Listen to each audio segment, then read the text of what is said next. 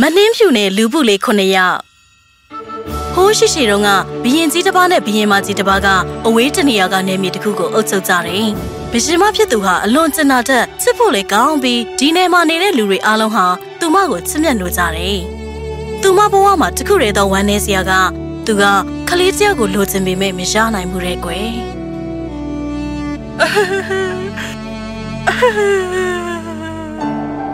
ဆောင်းရသည်နေ့တနေ့မှာဘရှင်မကရင်းတိုက်သားပဒင်းပေါက်အနားမှာထိုင်ပြီးသုံးဝဲထိုးနေတယ်။ရုတ်တရက်လှပတဲ့နှင်းငတ်တကောင်ကပဒင်းပေါက်ပေါ်မှာနားလိုက်တော့ဘရှင်မကလန့်သွားတယ်။ဘရှင်မကငှက်စီအာယုံရောက်သွားတော့သူ့ရဲ့လက်လေးစူးသွားတယ်။သွေးဆက်တစ်ဆက်ကပဒင်းပေါက်အပြင်ဘက်မှာရှိတဲ့နှင်းတွေပေါ်ကိုကျသွားတယ်။နှင်းမော်ကသွေးဆက်ကိုကြည့်နေတော့မှပဲခလေးမျက်နှာလေးပြောင်းသွားတယ်။ ဘရှင်မလည်းအံ့အားသင့်သွားပြီးနတ်ဖျားကိုတိုင်တယ်လိုက်တယ်။အိုးနင်းနဲ့ဖះရဲ့ကျမမနင်းလိုမျိုးဖြူဖွေးတဲ့အသားရည်သွေးလိုနေရတဲ့နှခမ်းနဲ့ရင်းတိုက်သားလိုနတ်မောင်နဲ့စံကေသားရှိတဲ့သမီးလေးတယောက်မွေးဖွားပါစေလို့ဆုတောင်းပါတယ်မကြခင်မှာပဲဘီရင်မမှာကိုဝင်ရှိလာတယ်။တစ်ချိန်တည်းမှာပဲသူမကနာမကျန်းဖြစ်လာပါရော။ဆရာဝန်တွေအများပြားကသူမကိုကုသပေမဲ့မတတ်တာဘူး။အိုးအချစ်ရဲ့ဒီမကြခင်နေကောင်းတော့မှာပါ။ ကျေးဇူးပြုပြီးအားမလျှော့လိုက်ပါနဲ့။ဖျားသခင်ကိုယုံကြည်ပါ။ငါတို့ရဲ့ရင်သွေးလေးရဖို့အိမ်မက်ကနီးစပ်လာပြီလေဟုတ်ကဲ့ပါအချစ်ကျမအကောင်းဆုံးကိုမျှော်လင့်ထားပါတယ်နင်းနဲ့ဖះကကျမတို့ကိုကောင်းချီးပေးလိုက်ပြီးဘာမှမမှားရွေးနိုင်ဘူး။မကြခင်မှာပဲຫນွေဦးရသည်ကိုရောက်လာတယ်။ပန်းတွေကခလေးမွေးဖွားလာမှာကိုကြိုးစူနေတဲ့အလားနေရာအနှံ့မှာပွင့်နေကြတယ်။နေတွေကုံလွန်လာတာနဲ့အမျှဘီရင်မကပိုလို့ပိုလို့မကျန်းမမှာဖြစ်လာတယ်။အဲဒီနေ့ကနေသားတဲ့နေ့ နေကဒီနေ့မှာနှင်းတွေအကုန်လုံးကိုအရေးဖြောပြစ်မဲ့အလားတောက်ပနေတယ်။ဘရှင်မကနှင်းလို့ဖြူဖွေးတဲ့အသားရည်သွေးလိုနီးရဲတဲ့နှကန်းတွေနဲ့ရင်းတိုက်ပင်လိုနတ်မောင်တဲ့သပင်တွေရှိတဲ့လှပတဲ့သမီးလေးတစ်ယောက်ကိုမွေးဖွားလိုက်တယ်။ကျွန်ုပ်ရဲ့ဘီရင်မတင်ကငါ့ကိုတမိုးအရှိဆုံးလက်ဆောင်တစ်ခုပေးရလိုက်ပါပြီ။ကျေးဇူးပြုပြီးတင်ပါလို့ရှိလဲပြောပါ။ကျုပ်သစ္ဆန္ဒအကုန်လုံးကိုဖြည့်ဆည်းပေးပါမယ်ကျေးဇူးပါချစ်ရဲ့ဒါပေမဲ့သမီးလေးနဲ့အတူနေဖို့အချိန်မရှိတော့ဘူးလို့ ထင်နေတယ်။အိုးအချစ်ရဲ့နင်းလိုမျိုးဖြူဖွေးနေတဲ့သမီးမို့မနှင်းဖြူလို့နာမည်ပေးမယ်အရှင်မင်းကြီးကျမကိုဂတိပေးပါသမီးလေးကိုအမြဲစောင့်ရှောက်ပေးပြီးတော့နောက်ထပ်လည်းအိမ်အောင်ပြုပါပြီးတော့ကျမမရှိလဲဘဝမှာဘယ်တော့မှဝမ်းမနေနဲ့နော်ကျွန်ုပ်ရဲ့သမီးလေးကိုဘယ်နည်းနဲ့ဖြစ်ဖြစ်စောင့်ရှောက်ပါမယ်အချစ်ရဲ့ မငိုပါနဲ့အရှင်နှုတ်ဆက်ပါတဲ့အချစ်ရဲ့နှုတ်ဆက်ပါတယ်။အိုးအချစ်ရဲ့ကျေးဇူးပြုပြီးငါ့ကိုတယောက်တည်းမထားခဲ့ပါနဲ့လား။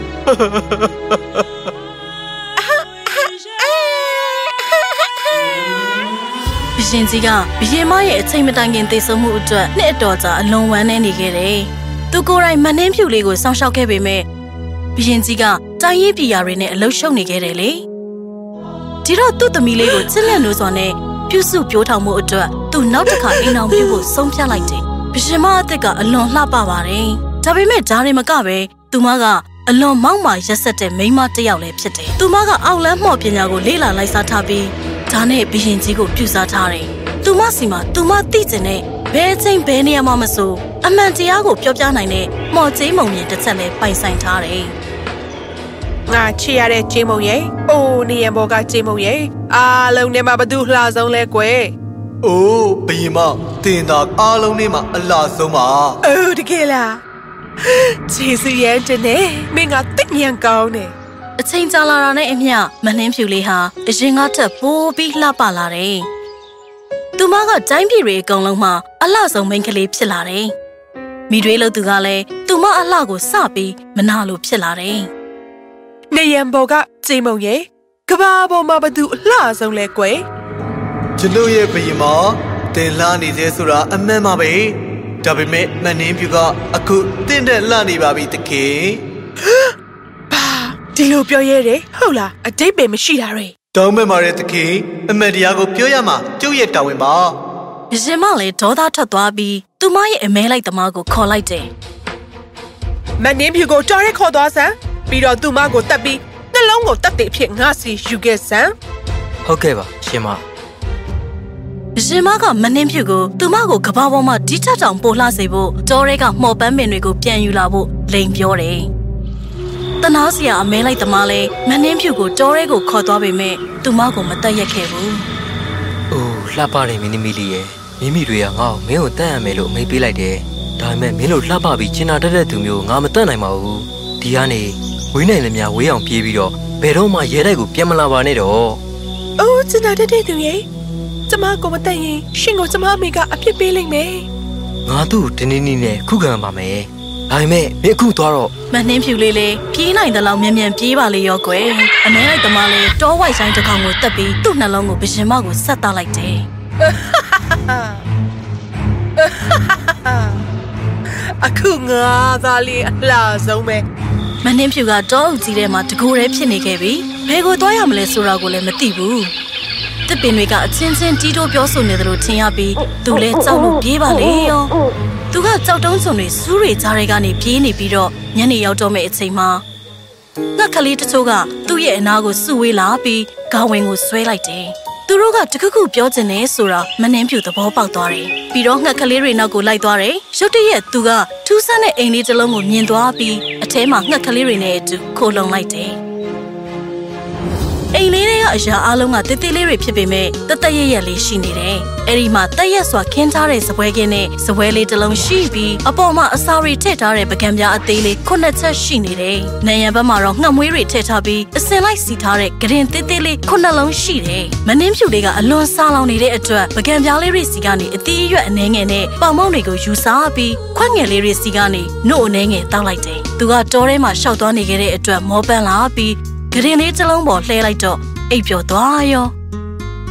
ညမှောင်လာတဲ့အခါအိမ်ပိုင်ရှင်လူဘူးလေးခုနှစ်ယောက်ကအိမ်ပြန်လာတယ်။သူတို့ကတောင်တွေထဲမှာရွှေတူးကြသူတွေလေ။ငှက်ကလေးတွေကမနှင်းဖြူကိုနှိုးဖို့ကြိုးစားပေမဲ့နှစ်ချိုက်စွာအိမ်မောကျနေတယ်။သူတို့အိမ်ရောက်လာတာနဲ့တပြိုင်နက်အိမ်ထဲကိုတစုံတစ်ယောက်ဝင်သွားတယ်ဆိုတာသိလိုက်တယ်ဘယ်သူငါ့ကုံပေါ်မှာထိုင်သွားတာလဲဘယ်သူငါပကံများနဲ့စားသွားတာလဲဘယ်သူငါ့ပတ်မှုကိုစားသွားတာလဲ ဘယ်သူငါအသီးရွက်တွေကိုစားသွားတာလဲဘယ်သူငါခရင်ကိုသုံးသွားတာလဲဘယ်သူငါခွက်သေးကနေတောက်သွားတာလဲ။ဒါပေမဲ့ခုနှစ်ယောက်မြောက်လူဘူးလေးကသူ့အိမ်ရောက်ကိုကြည့်လိုက်တော့လှပတဲ့မိန်းကလေးတစ်ယောက်အိမ်မောကျနေတာကိုတွေ့လိုက်တယ်တယောက်ယောက်ကားကလေးပါပါအဲ့ဒီလားလား။လူဘူးလေးခုနှစ်ယောက်လုံးကတင်သားကိုပြေးလာကြတယ်။။အိုးဖယားကြီး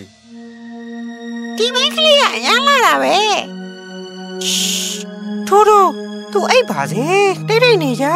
သူတို့အကုန်လုံးအိယာဘေးမှာဝင်းရံပြီးအိမ်မောကျသွားကြတယ်။နောက်တနေ့မနက်မှာမနှင်းဖြူလေးကနိုးလာပြီးလူဘူလေးခုနှစ်ယောက်ကိုတွေ့သွားတဲ့အခါကြောက်လန့်သွားတယ်။လူဘူလေးတွေလည်းသူ့ရဲ့အော်တန်ကြားတော့နိုးလာကြတယ်မကြောက်ပါနဲ့မကြောက်ပါနဲ့ကွယ်ငါတို့ကလူပူလေးတွေပါမင်းကငါတို့အိမ်ထဲရောက်နေတာမင်းနာမည်ဘယ်လိုခေါ်လဲ။ကျမနာမည်က မနှင်းဖြူပါငါတို့အိမ်ကိုဘေးပလောင်လို့ရှာတွေ့တာလို့။မနှင်းဖြူကအဖြစ်ပြက်တစ်ခုလုံးကိုပြောပြလိုက်တယ်။လူဘူလေးတွေကတယောက်နဲ့တယောက်အချိန်ခဏလောက်စကားပြောနေကြပြီးနောက်မှာသူ့ကိုပြောတယ်။ကဲလို့ငါတို့အတွက်မင်းအိမ်ကိုထိမ့်သိမ့်ပေးမယ်ဆိုရင်ချက်ပြုတ်ပေးမယ်ဆိုရင်အိမ်ရပြင်ပေးမယ်ဆိုရှော့မယ်ဖာထေးချုပ်ပေးမယ်ဆိုရင်ပြီးတော့အရာအလုံးကိုတန့်စင်အောင်နဲ့စနစ်တကျထားမယ်ဆိုရင်မင်းငါတို့နဲ့အတူနေနိုင်ပါလေပြီးတော့မင်းလိုသမျှအားလုံးရစေရပါမယ်။ဟုတ်ကဲ့။ တေချာလုပ်ပါမယ်။ဒီလိုနဲ့ပဲမနှင်းဖြူလေးလည်းလူပူလေးတွေနဲ့ပျော်ရွှင်စွာနေထိုင်ကြတဲ့ကွယ်။မနက်ခင်းတိုင်းမှာလူပူလေးတွေကရွှေတူးဖို့သွားကြပြီးအိမ်ပြန်လာတဲ့အခါမနှင်းဖြူလေးကသမီးဟင်းအသင်းချက်ထားလို့အိမ်ကလေးကိုလည်းတန်ရှင်းထားတယ်။နေခင်းပိုင်းမှာတော့သူမနဲ့မကြာခဏဆော့ကစားလေးရှိတဲ့တောအုပ်ထဲကငှက်ကလေးတွေနဲ့တရိတ်ဆန်တွေကလွဲလို့အဖို့မရှိဘူးတဲ့။နေရန်ဘော်ကကျေးပုံရဲ့ကဘာပေါ်မှာဘသူအလားဆုံးလဲဆိုတာကိုပျော်စံကွယ်ကျွန်တော်ရဲ့ဘယင်မောတင်လာနေစေဆိုတာအမှန်ပါပဲ ဒါပေမဲ့တောင်တွေထဲမှာလူပူလေးခုနှစ်ယောက်နဲ့အတူနေနေတဲ့မနှင်းပြူလေးကတင်တက်အစတစ်ထောင်ပိုလို့လာနေပါပြီတခင်။ဘာ။ဒီပြင်းဖြူမကအသက်ရှင်နေတာကိုအမဲလိုက်တမငါ့ကိုလှည့်စားတယ်။ဒီကိုတင်ကန်းစာပေးရမယ်။ဒါပေမဲ့မနှင်းဖြူကိုတက်ပြစ်ရမယ်။ဒါပေမဲ့ဘလို့လဲဘလို့လဲပြောစမ်း။ဘရှင်မကဒေါသထွက်ပြီးမှန်ကိုခွဲလိုက်မိတယ်။ ဘရှင်မကတစ်ခေါက်ပြီးတစ်ခေါက်မနှင်းဖြူကိုဘလို့ရှင်းထုတ်ရမလဲဆိုတာစဉ်းစားနေတယ်။နောက်ဆုံးမှာတော့အကြံတစ်ခုရသွားတယ်။သူမရဲ့ပြည့်ဝက်အခန်းထဲကိုဝင်သွားတယ်။အထဲကိုဘယ်သူမှဝင်ခွင့်မပြုဘူး။ အဲ့ဒီအခန်းထဲမှာသူမကအစိတ်ရှိတဲ့ပန်းသီးတစ်လုံးကိုပြုတ်လုပ်တယ်ပန်းသီးကိုပညာသားပပနဲ့ပြုတ်လုပ်ထားတဲ့အတွက်ပန်းသီးကအစိတ်ရှိနေပေမဲ့အပြင်ကကြည့်လိုက်ရင်လှပပြီးလက်ဆက်တဲ့ပုံပေါက်နေတယ်အဲ့ဒီနောက်မှာတော့မော်အတက်နဲ့သူမကိုသူမဆေးရောင်းတဲ့အဖွားအိုကြီးပုံရုပ်ဖြတ်တယ်သူမကလူဘူးလေးတွေရဲ့အိမ်ကိုတွားပြီးတကားခောက်လိုက်တယ်မနှင်းဖြူလေးကပဒင်းပေါက်ကနေခေါင်းထောက်ကြည့်လိုက်တယ်တင်ကားဘသူများလဲအမေတင်အတွက်ဘာများလုပ်ပေးရမလဲတကားဖွင့်ပေးပါမိမလာလေးရဲ့ စီရင်လို့လို့တေလူမျိုးပါဖြစ်နေတဲ့ယောက်ျားအတွက်မင်းစီကားပါမုံနဲ့ငါပန်းသည်လဲခြင်းလို့ပါမိမလာလေးရဲ့ဘသူကမှအတဲပေးဝင်လို့မရဘူးရှင်လူပူလေးတွေကကျမကမှထားလို့ပါအိုးဒါလေးအဆင်ပြေပါတယ်ကွယ်ယော့ဒီမှာမင်းတို့လက်ဆက်ပေးရတာရှိတဲ့ပန်းသီးတစ်လုံးကွယ်အတော့ကိုပါမုံတစ်ပိုင်းလောက်ပြန်ပေးပါကွယ်မနှင်းဖြူလေးကလှပတောက်ပြောင်နေတဲ့ပန်းသီးတွေကိုတွေ့တဲ့အခါသူ့အရန်လိုချင်လာတဲ့အတွက် လူပူလေးခုနှစ်ယောက်ညစာအတွက်အခုလေးတင်လှုပ်ထားတဲ့ပေါင်မုံလုံးကြီးကိုယူလာတယ်။ပေါင်မုံလုံးကြီးကိုအမဲအိုးကိုပေးပြီးပန်းသီးတွေကိုလူပူလေးတွေအတွက်ညစာအဖြစ်ယူလိုက်တယ်။ပန်းသီးကိုတခိုက်ကိုက်လိုက်ရုံရှိသေးတယ်။သူမလည်းမြေပြင်ပေါ်ကိုလဲကျပြီးတေဆုံးသွားပါရောကွယ်။ဟာကောက်ချစ်တဲ့ဘရင်မကြီးလည်းလက်ကိုပုံစံကိုပြန်ပြောင်းသွားတယ်။နင်းလို့ဖြူသွေးလို့နီ ရင်တိုက်သားလို့မဲတယ်လူပူလေးခုနှစ်ယောက်ကနင့်ကိုဘယ်တော့မှနှိုးနိုင်မှာမဟုတ်ဘူးဟဲ့သူမကချက်ချင်းနန်းတော်စီကိုပြန်ပြေးသွားပြီးမှန်ခွဲစားရီအရှိမှရက်လိုက်တယ်နေရန်ဘော်ကကြည်မုံရဲ့ဒီနယ်မြေမှာဘသူအလှဆုံးလဲကွယ်။နောက်ဆုံးတော့သူမမျော်လင့်နေတဲ့အဖြေကိုကြားလိုက်ရတယ်ကျွန်တော်ရဲ့ဘိမ်မောတင်းသားအားလုံးနဲ့မှအလားဆုံးပါ။ ညနေဆောင်တော့လူပူလေးတွေအိမ်ပြန်လာတဲ့အခါမနှင်းဖြူလေးကိုမြေပြင်ပေါ်မှာလဲနေတာကိုတွေ့ရတယ်။သူမကအသက်လုံးဝမရှိတော့ဘူး။သေဆုံးနေပြီ။သူတို့ကမနှင်းဖြူလေးကိုပွေ့ချီတင်လိုက်ပြီးမျက်နှိုးစွာနဲ့ကြည်နေကြတယ်။သူတို့ကစကားပြောတယ်၊လှုပ်နှိုးတယ်။သူမအပေါ်မှာငိုကြတယ်။မိမငယ်လေးဟာသေဆုံးရတာရှိနေခဲ့တယ်။မနှင်းဖြူလေးကိုကောက်ရုပ်ကရင်တစ်ခုပေါ်မှာတင်းပြီးခုနှစ်ယောက်စလုံးဘေးမှာထိုင်ပြီးတော့သုံးရက်တိတိပူဆွေးငိုကြွေးကြတယ်။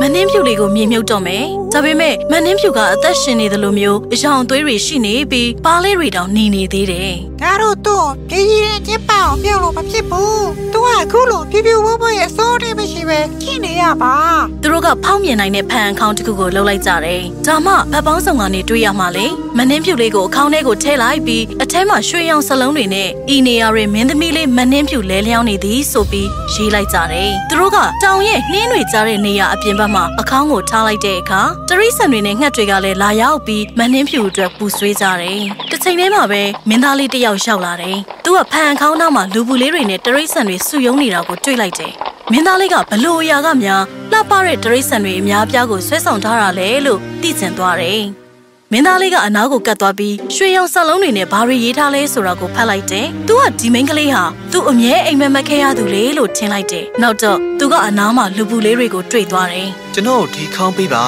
ဒီလှပတဲ့မိန်းကလေးကိုရဖို့အတွက်တင်တို့ကိုဘာမဆိုပေးမယ်ကဘာလုံးမှာရှိတဲ့ရှယ်ရီနဲ့တောင်သူမအောင်မလဲနိုင်ပါဘူးကျေးဇူးပြုပြီးပေးပါဗျာကျွန်တော်သူမအောင်မတွေ့ရပဲမနေနိုင်ဘူးတကယ်လို့တင်တို့သာသူမအောင်ယူခွင့်မပေးဘူးဆိုရင်ကျွန်တော်တရားလိမ့်မယ်။ဘေးယူနေတာလား။ဒီတေဆုံးနေတဲ့လူကိုဘေးပါလို့မလို့လဲကျွန်တော်သူမအောင်ဂုံပြူတဲ့အနေနဲ့ကျွန်တော်နန်းတော်နာမှာအထိမ့်မဲ့တစ်ခုကိုစောက်ပြီးဝိညာဉ်ကိုငြင်းချမ်းအောင်လုပ်ပေးပါမယ် စိတ်ကောင်းရှိတဲ့လူပူလေးတွေကသူ့တောင်းဆိုတာကိုလက်ခံလိုက်တယ်။မင်းသားလေးလည်းသူ့အစီကံတွေကိုဖန်အခေါင်းကိုတဲလာစေတယ်။ဒါပေမဲ့ဖြစ်ချင်တော့သူတို့တွေကတယောက်ကအခေါင်းကိုမလိုက်တဲ့အခါခြေချော်သွားပြီးဒါကမနှင်းဖြူလေးကြိုက်ထားတဲ့အစိတ်တင်ပန်းသီးတစ်စိတ်ကိုပါဇက်ထဲကနေထွက်သွားစေတဲ့ကွယ်။မင်းသားလေးကလည်းချက်ချင်းပြေးလာပြီးအခေါင်းကိုထိန်းချလိုက်တယ်။မနှင်းဖြူလေးကိုတစ်ပင်တစ်ပင်အောက်မှာထားပြီးစိုက်ကြည့်နေတယ်။သူမကအသက်ရှင်နေစဉ်တုန်းကလိုပဲလှနေတော့နဲ့မင်းသားလေးလည်းနှစ်ဖူးကိုနမ်းလိုက်တယ်။မ နှင်းဖြူလေးကိုနမ်းလိုက်တာနဲ့တပြိုင်နက်မနှင်းဖြူလေးကအသက်တဖန်ပြန်ရှင်လာပြီးထထိုင်လိုက်တဲ့ကွယ်ဖះရေကျမဘေကိုရောက်နေတာတော့ငါနဲ့အတူရှိနေတာပါငါကမင်းသားတစ်ယောက်ပါမင်းသားလေးကဖြစ်စဉ်အကုန်ကိုပြောပြလိုက်တယ်အိုးဖះသခင်ရှင်ကကျမတင်နေတာတော့ကျမကိုယူသွားဖို့ဆုံးဖြတ်ခဲ့တယ်နော်ဘာကြောင့်များလဲမင်းရတာငါအိမ်မက်တွေတည်းကတူရီတော်မိန်းကလေးမို့ပါငါမင်းကိုဘယ်အရာထက်မဆိုချစ်မြတ်နိုးမိပြီငါရဲ့တိုက်ကိုငါနဲ့တူလိုက်ခဲ့ ငါ့ကိုလက်ထပ်ပြီးရင်ဘေးမပြစ်လက်ခံနိုင်မလားဟုတ်ကဲ့ပါကျမရဲ့မင်းသားချောင်းလေးရေဒါပေမဲ့ခမီးတော်ကိုအရင်တွေ့ချင်တယ်သူကျမတို့ရဲ့လက်ထပ်ပွဲကိုကောင်းချီးပေးဖို့မျှော်လင့်နေဒါပေမဲ့ငါချားတာတော့မင်းဖေတနေရာမှာပျောက်ဆုံးသွားပြီးတိုင်းပြည်ကိုပြန်မလာတာတော်တော်တော့ကြာပြီတဲ့ဒါကျမမိတွေရဲ့ကောင်းချစ်တဲ့လှည့်ကွက်တစ်ခုပဲဖြစ်ရမယ်ခမီးတော်ကိုပြန်ရှာတွေ့ဖို့တစ်ခုခုလုပ်ပေးပါဦးကောင်းပြီနန်းတော်စီကိုသွားပြီး သူသူ့ကိုရှာချစို့ဒီလိုနဲ့မင်းသားလေးကပျောက်ဆုံးနေတဲ့ခမဲတော်ကိုပြန်ရှာပေးဖို့ဆုံးဖြတ်လိုက်တယ်။ကောက်ကျစ်တဲ့ဘရင်မရဲ့အတိုင်းပြည်ကိုတင်ပိုက်တယ်။ရဲတိုက်ထဲမှာသူတို့ကဘရင်မရဲ့လျှို့ဝှက်အခန်းထဲမှာမနှင်းဖြူရဲ့ခမဲတော်ကိုတွေ့ရှိသွားကြပြီးလွတ်ပေးလိုက်ကြတယ်။အခြားတစ်ဖက်မှာတော့ဘရင်မကဘရင်ကြီးကိုအချုံနှောင်ကနေလွတ်လာတာလဲတွေ့ရောသူနဲ့တခြားသူတွေကိုကြောက်ရွံ့ပြီးတိုင်းပြည်ကနေထွက်ပြေးသွားတာနောက်ဘယ်တော့မှမတွေ့ရတော့ဘူးတဲ့ကွယ်။ ဘီရှင်ကြီးကသူ့သမီးတော်ရဲ့လက်ထက်ပွဲကိုနန်းတော်ခုံရုံးထဲမှာကြီးညာလိုက်တယ်။မန်နှင်းဖြူလေးလည်းခမ်းနားစွာနဲ့လှပစွာမင်္ဂလာဆောင်လိုက်တဲ့ကွယ်။အကုန်လုံးသက်ဆုံးတိုင်ပျော်ရွှင်စွာနဲ့နေသွားကြတယ်။